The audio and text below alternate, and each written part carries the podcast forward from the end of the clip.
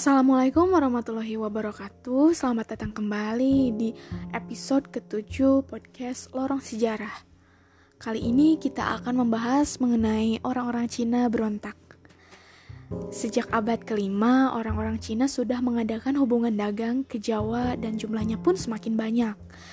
Pada masa perkembangan kerajaan-kerajaan Hindu, Buddha, dan Islam, banyak pedagang Cina yang tinggal di daerah pesisir yang menikah dengan penduduk Jawa, khususnya ke Batavia.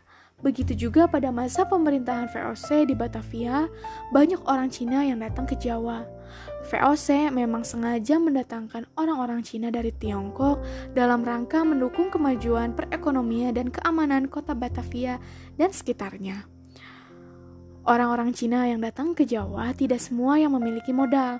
Banyak di antara mereka termasuk golongan menengah ke bawah. Mereka kemudian menjadi pengemis, bahkan ada yang menjadi pencuri.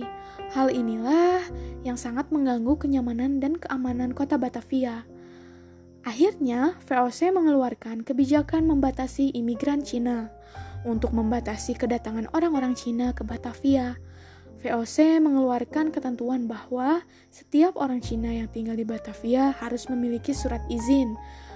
Ya, surat izin bermukim yang, disebut, yang disebut permissible briefs atau masyarakat sering menyebutnya dengan surat pas. Apabila tidak memiliki surat izin, maka orang-orang Cina akan ditangkap dan dibuang ke Ceylon, Sri Lanka untuk dipekerjakan di kebun-kebun pala milik VOC atau akan dikembalikan ke Cina.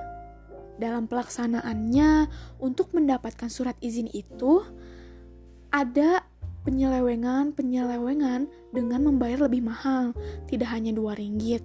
Akibatnya banyak yang tidak mampu memiliki surat izin tersebut. Nah, dari situlah VOC bertindak tegas orang-orang Cina yang tidak memiliki surat izin. Tetapi mereka banyak yang dapat melarikan diri dari luar kota. Mereka kemudian membentuk gerombolan yang mengacaukan keberadaan VOC di Batavia. Tahun 1740 terjadi kebakaran di Batavia. VOC menafsirkan peristiwa ini sebagai gerakan orang-orang Cina yang akan melakukan pemberontakan. Oleh karena itu, para serdadu VOC mulai beraksi dengan melakukan sweeping, memasuki rumah-rumah orang Cina, dan kemudian melakukan pembunuhan terhadap orang-orang Cina yang ditemukan di setiap rumah. Orang-orang Cina yang berhasil meloloskan diri kemudian melakukan perlawanan di berbagai daerah. Pada tahun 1741, benteng VOC di Kartasura dapat diserang sehingga jatuh banyak korban.